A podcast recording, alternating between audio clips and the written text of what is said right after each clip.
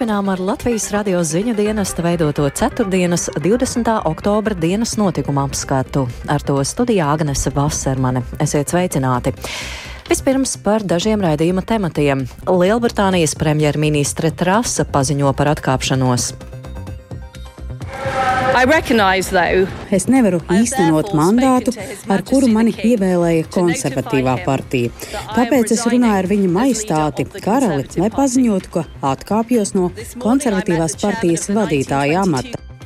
Ugunsdzēsības dienas Latvijā plāno slēgt mazāk noslogotos posteņus. Ugunsdzēsēju arotbiedrība ceļ trauksmi jo ar C kategorijas prasībām autovadītāju ugunsdzēsēji ir pieprasīti citās tautsēmniecības nozarēs, kur atalgojums pēc visu nodokļu nomaksas šobrīd sasniedz 1200 eiro, pretēji kaut kādi 700 līdz 800 eiro.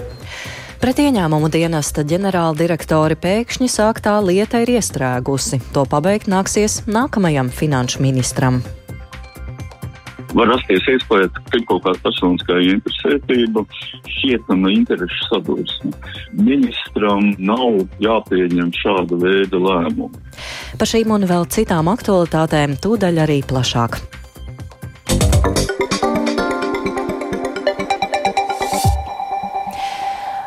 Sākam ar norisēm ārvalstīs. Liza Trasa paziņojusi par atkāpšanos no Lielbritānijas konservatīvās partijas līderes un arī premjerministra amata, kurā viņa stājās tikai pirms 44 dienām. Trasa demisiju pamato ar nespēju attaisnot viņai sniegto partijas biedru uzticību. Pēdējās dienās aizvien vairāk konservatīvās partijas parlamenta locekļu atklāti pieprasīja Trasas demisiju. Nākamnedēļ konservatīvās partijas locekļi izraudzīsies jauno līderi un premjeru. Savukārt opozīcijas partijas pieprasa jaunas parlamenta vēlēšanas. Par valdības maiņu Lielbritānijā stāsta Uldis Česberis. Dramatiska nedēļa Lielbritānijas politikā noslēdzās ar premjerministres Līzas Trasas paziņojumu par atkāpšanos no konservatīvās partijas un valdības vadītāja amata. Trasa sacīja, ka viņu ievēlēja par konservatīvās partijas līderi, lai vadītu valsti laikā, kad tā piedzīvo ekonomiskās grūtības, kuras padziļina Krievijas uzsāktais karš Ukrainā. I recognize, though, given the situation, Tomēr es apzinos, ka ņemot vērā pašreizējo situāciju, es nevaru īstenot mandātu, ar kuru mani ievēlēja konservatīvā partija.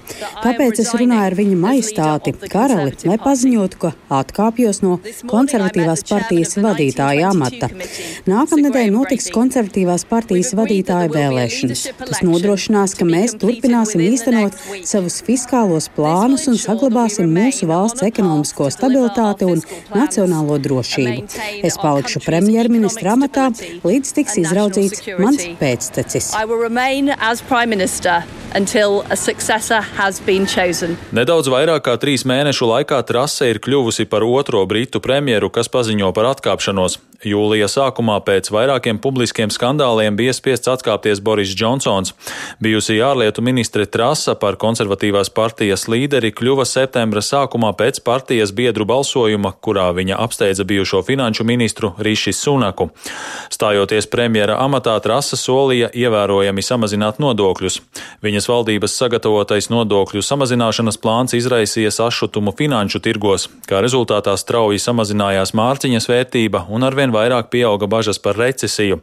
Tā rezultātā pagājušajā nedēļā trasa atlaida finanšu ministru Kvazi Kvartengu, kura vietā stājās Džeremijs Hans.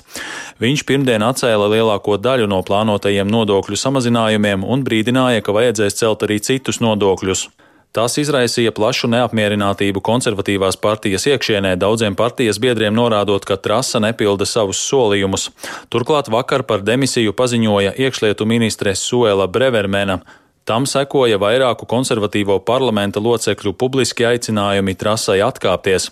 Konservatīvās partijas parlamenta deputātu komiteja, kas ir atbildīga par partijas līdera ievēlēšanu, paziņojusi, ka nākamo partijas vadītāju plānots izraudzīties līdz nākamajai piekdienai, 28. oktobrim. Opozīcijas līderis un Leiboristu partijas vadītājs Kīrs Stārmers uzskata, ka konservatīvā partija ir zaudējusi mandātu vadīt valsti. Well, Kāds hauss! Tā nav tikai ziepju operu Toriju partijas augšgalā. Tā nodara milzīgu kaitējumu mūsu ekonomikai un mūsu valsts reputācijai. Sabiedrība maksā augstākas cenas ar augstākiem hipotekārajiem kredītiem, tāpēc mēs nevaram pieļaut šo hausu. Mēs nevaram pieļaut vēl vienu eksperimentu Toriju partijas vadībā. Ir alternatīva, un tā ir stabila leiboristu valdība. Sabiedrībai ir tiesības izteikt savu viedokli, un tāpēc ir jānotiek vispārējām vēlēšanām. Leiboristu aicinājumam sarīkot ārkārtas vēlēšanas ir pievienojušās arī Liberāla demokrātiskā partija un Skotijas Nacionālā partija. Uldis Česberis, Latvijas radio. Briselē uz tikšanos sanākuši Eiropas Savienības valstu politiskie līderi. Galvenie diskusiju tēmāti ir augstās gāzes cenas un situācija Ukrainā. Ierodoties samita norises vietā, premjers Krišānis Kariņš no jaunās vienotības sacīja, ka gāzes iepirkuma cenas varēs pazemināt tikai, ja Eiropas Savienības valstis rīkosies kopā. Pašlaik gan Latvija, gan citas valstis lielākoties cīnās ar pašreizējās situācijas sekām, nevis cēloņiem. Latvijas valdības vadītājs arī atbalstīja pretrunīgi vērtēto ideju noteikt gāzes cenu griestus. Ja neskatoties ne uz kā pasakot cenu, kur neviens nepārdod gāzi, mēs sev iešaut kājās, mums vispār nebūtu gāzes Eiropā. Bet eh, nu, es atvainojos, tik stulbs jau neviens nav. Tas, ko Eiropas Savienība piedāvā, ir ceļu, kā varētu. Vēl negatavo risinājumu, bet ceļu, kā varētu. Un ko tas nozīmē? Runāt, pirmām kārtām runāt ar mūsu uzticamiem piegādes partneriem. Norvēģija, Amerikas Savienotās valsts citiem par to, kādā veidā iespējams viņi varētu samazināt savu peļņu nedaudz. Tādā veidā arī palīdzot viņiem, viņu strateģiskiem partneriem Eiropā. Un tas ir izdarāms. Un tie, kas argumentē, ka tas tūlīt viss izpostīs, nu, es domāju, tas ir maigi izsakoties populisms. Neviens neko tik trulu nepiedāvā. Tā Krišānis Kāriņš. Visā Ukrainā šodien ir traucēta elektroapgāde. Šādi varas iestādes cenšas taupīt energoresursus pēc postošajiem Krievijas spēku uzbrukumiem. Kā pieļauj Ukrainas puse, Krievu militāristi uzbrukumos varētu būt konsultējušies ar enerģētikas speciālistiem Krievijā. Daudz viet turpinās remonta darbi un pieslēgšanās rezervas tīkliem, taču, lai nepārslogotu sistēmu, tiek ieviesti pat radikāli taupības soļi. Turpina Sumu apgabala militāra militārās administrācijas vadītājs Dmitrijs Živickis. Не буде працювати міський комунальний електричний транспорт. Visā apgabalā no 7 rītā līdz 11 vakarā tiks atslēgta ūdens apgāde. Nedarbosies sabiedriskais elektrotransports, tiks izslēgts ielu apgaismojums. Mēs aicinām ražošanas uzņēmumus, restorānus un kafejnīcas izsludināt brīvdienu, sanitāro dienu vai arī maksimāli ierobežot elektroenerģijas patēriņu. No šīs dienas ir atkarīgs tas, kā turpmākajās nedēļās un mēnešos darbosies Ukrainas energosistēma Енергетична система України.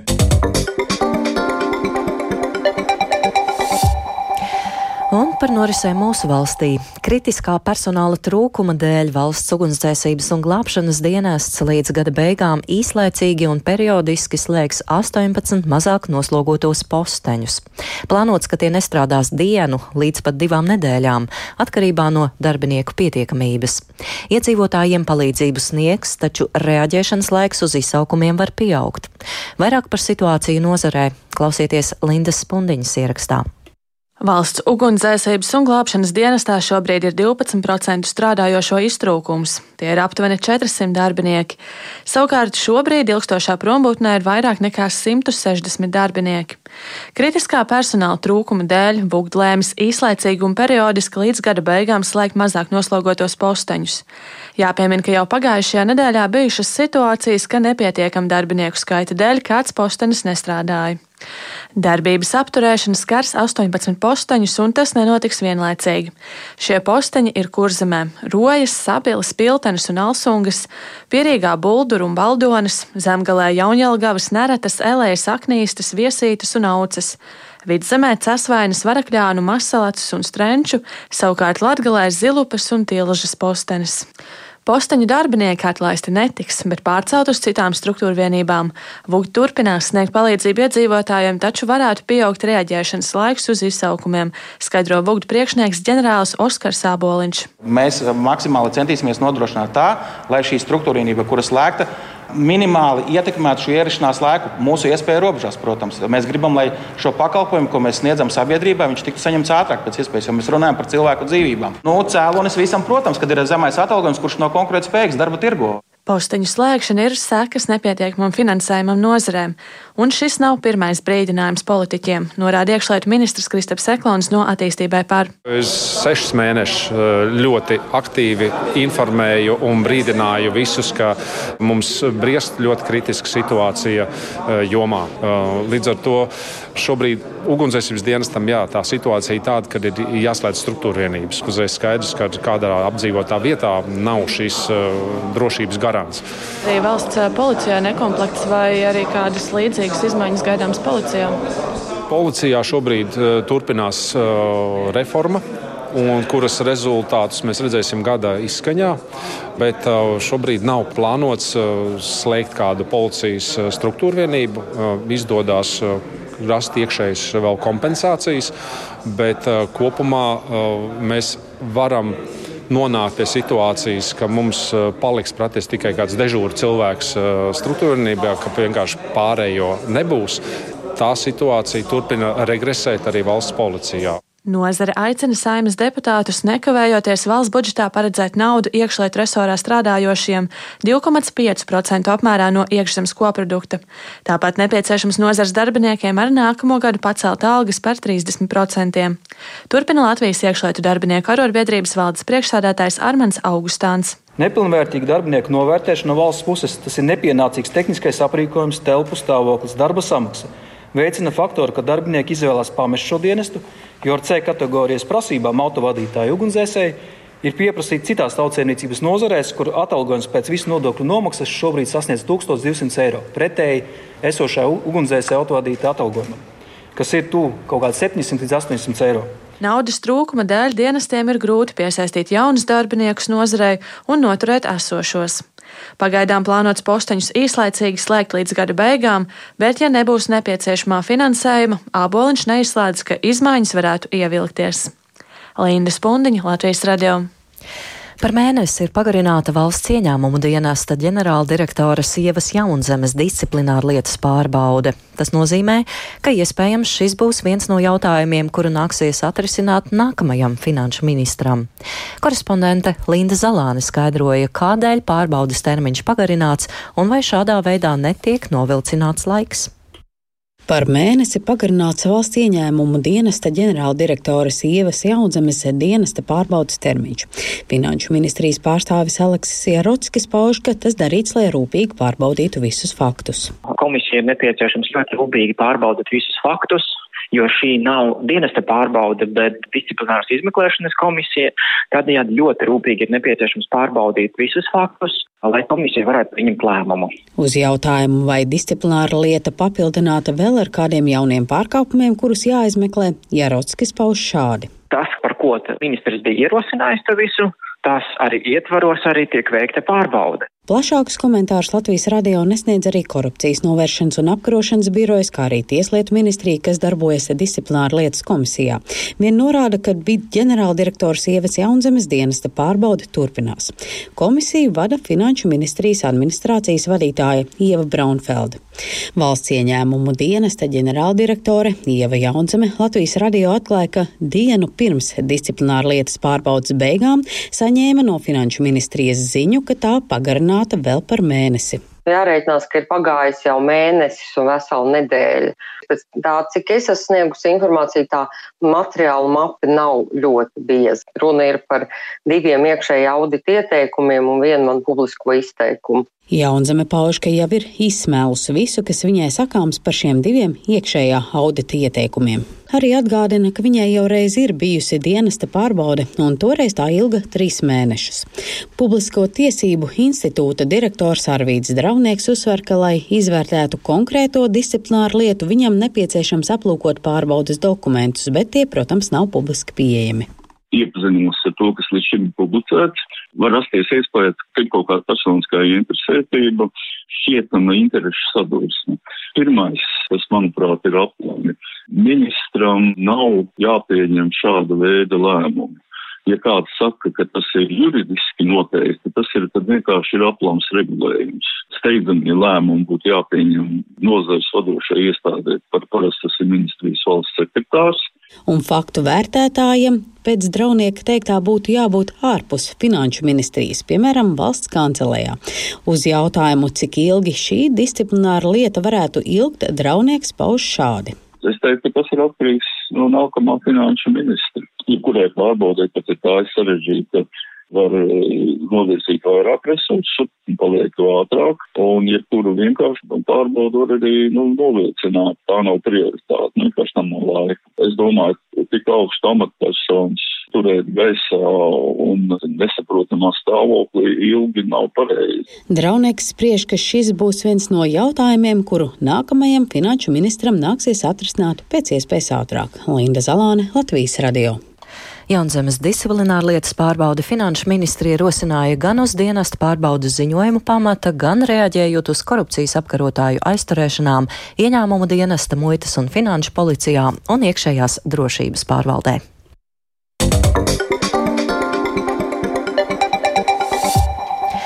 Saima ir pieņēmusi izmaiņas pašvaldību likumā par vietējo padomju darba pilnvarām, ko otrreizējā caurlūkošanā nodeva valsts prezidents Egils Levits. Attiecīgos grozījumus virzīja Saimas pašvaldību komisija, un parlamentārieši tos bez izmaiņām atbalstīja balsojumā. Plašāk par to Jāņa Kīņča ierakstā. Likuma grozījumi noteica, ka iedzīvotāju padomus varēs lemt par pašvaldības teritorijas labiekārtošanu, uzņēmējdarbības attīstību un vietējām kultūras norisēm. Šiem nolūkiem būs pieejams arī līdzdalības budžets. Tāpat likums paredzēs, ka attiecīgās pašvaldības domai būs pienākums pirms lēmuma pieņemšanas noskaidrot iedzīvotāju padomas viedokli par šiem jautājumiem gadījumos, kad gaidāmais lēmums varētu skart attiecīgās teritorijas iedzīvotāju intereses. Kandidēt par iedzīvotāju padomus locekli un piedalīties vēlēšanās var fiziskas personas, kuras sasniegušas 16 gadu vecumu un ir Latvijas vai Eiropas Savienības pilsoņi. Kandidēt darbam padomē varēs arī cilvēki, kuri nav Latvijas pilsoņi, bet ir reģistrēti fizisko personu reģistrā. Tātad arī, piemēram, Ukrainas pilsoņi, kuri uzturas kādā pašvaldībā. Lai balsotu par vietēju padomi, personai jābūt dzīves vietas vai īpašuma piedarības saistībā ar konkrēto pašvaldību. Šajās likuma izmaiņās nepilsoņu izstumšanu saskata deputāts Boris Cilevičs no saskaņas frakcijas. Šī priekšlikuma būtība ir ļoti vienkārša. Nepilsoņiem nav tiesību piedalīties sanitāras, tīrības jautājumu risināšanā un, līdz, līdzīgos jautājumus. Un šeit galīgi nav runa par kaut kādiem politiskiem jautājumiem, par politiskām tiesībām. Tad manā skatījumā tas ir absolūti pretējs, kas tiek sludināts visas mūsu programmas par, par integrāciju un tā tālāk. Debašu turpinājumā izskanēja arī atbildu šo piezīmi. Ja kāds nepilsonis vēlēsies iesaistīties vietējās padomas darbā, tad tā būs papildu motivācija nokārtot pārbaudījumus, lai iegūtu pilsonību. Vienlaikus deputāts Viktors Valēns no Zaļo zemnieku savienības bija aicinājis likumā paredzēt padomas pārdevēt par valdēm, noteikt tās par pašvaldības institūcijām un paplašināt to kompetences. Deputāts rosināja noteikt, ka vietējās padomas ievēl līdzīgā kārtībā, kā notiek pašvaldību vēlēšanas. Šie priekšlikumi nav atbalstīti, jo paredzētu gan papildus izmaksas, gan arī vairāku citu likumu izmaiņas. Tāpēc Valēns valsts prezidenta uzdevumā sagatavotās likuma izmaiņas sauc par kosmētiskām. Ja pašvaldību likums paliek tāds, kā jūs šobrīd viņu grasaties atbalstīt, tad nebūs citas iespējas, kā pārskatīt administratīvo teritoriālo reformu kopumā. Piecas pilsētas šobrīd nav pārstāvētas Latvijas pašvaldībās. Tāpat 330 pagasti nav pārstāvēti ne ar vienu pārstāvi konkrētajā pašvaldībā. Lem par teritoriju plānojumiem 50, 60, 70, 80 km no tās vietas, par kuru faktiski tiek pieņemts lēmums.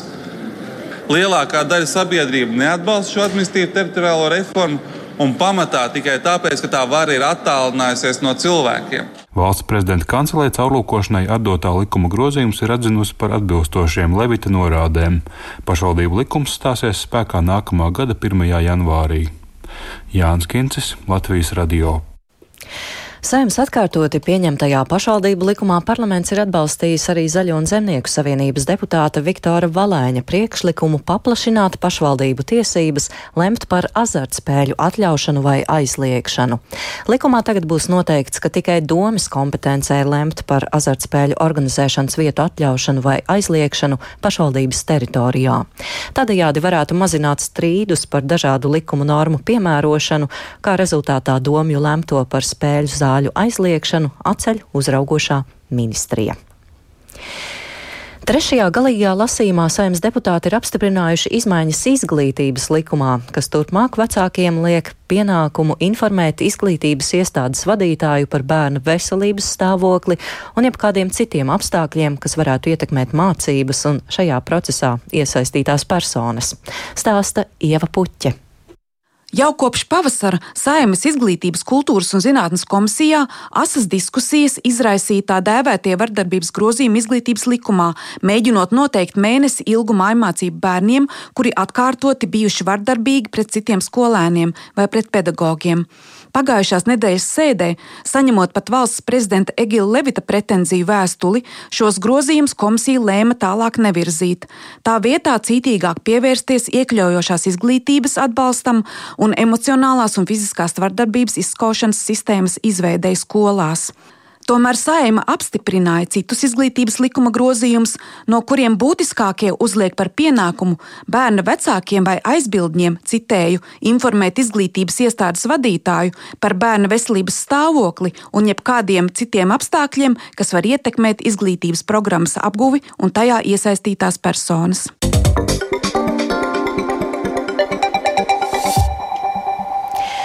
Ļauties iztēles un fantāzijas ceļojumam, kā lieli tā mazi skatītāji ir aicināti jaunajā Nacionālā teātra izrādē visai ģimenei Pinokio piedzīvojumi.